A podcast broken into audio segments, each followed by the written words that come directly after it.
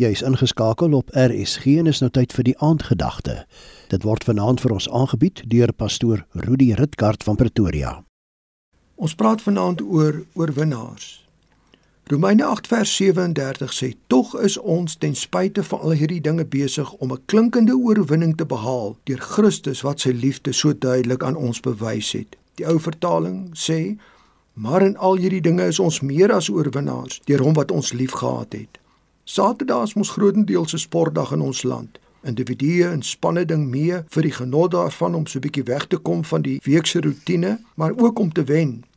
Niemand is by enige vorm van kompetisie betrokke sonder die doel om te wen nie. Dis mos nie lekker om te verloor nie. Die wenmotief is belangrik. Iemand het al voorheen gesê die span of die persoon wat tweede kom is die eerste verloorder.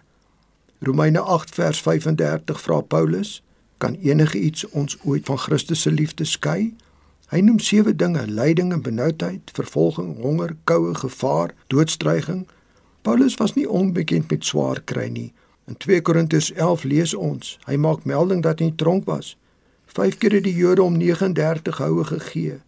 3 keer sy met stokke geslaan, 3 keer 'n skipbrekeling waarvan een dag en nag op die oop see deurgebring het. Hy's gestenig, Hy ken die gevare van die see, riviere, rowers en volksgenote. Tog, nie teenstaande al sy stryd en probleme, is hy besig om 'n klinkende oorwinning te behaal, om meer as oorwinnaar te wees. Nou vra ons, was hy dan 'n supermens of het hy geen kontak met die werklikheid gehad nie, miskien gesit met 'n delusie van onoorwinlikheid? Nee. Hy besef dat God aan sy kant is. Sy sekuriteit is daarin geleë dat absoluut niks hom van Christus se liefde kan skei nie. Ek dink jy sal saamstem dat ons tans in baie onsekere tye leef. Al die gebeure wat rondom ons gebeur, het 'n direkte of indirekte invloed op ons. Somstyds dink ons verkeerdelik dat die feit dat ons 'n Christen is, dit altyd voorspoedig met ons sal gaan. En wanneer die lewe moeilik raak en dinge nie verloop soos ons dit graag wil hê nie, dan voel ons alleen so asof God ons vergeet en verlaat het en dat hy ons nie waarlik liefhet nie. Ons moet besef dat die gelowige bevind hom in 'n gebroke wêreld met gebroke mense en dat ons uitgedaag word om te midde van ons omstandighede of dit goed of sleg is, steeds die keuse te maak om op God te vertrou en te glo dat absoluut niks ons van Christus se liefde sal skei nie.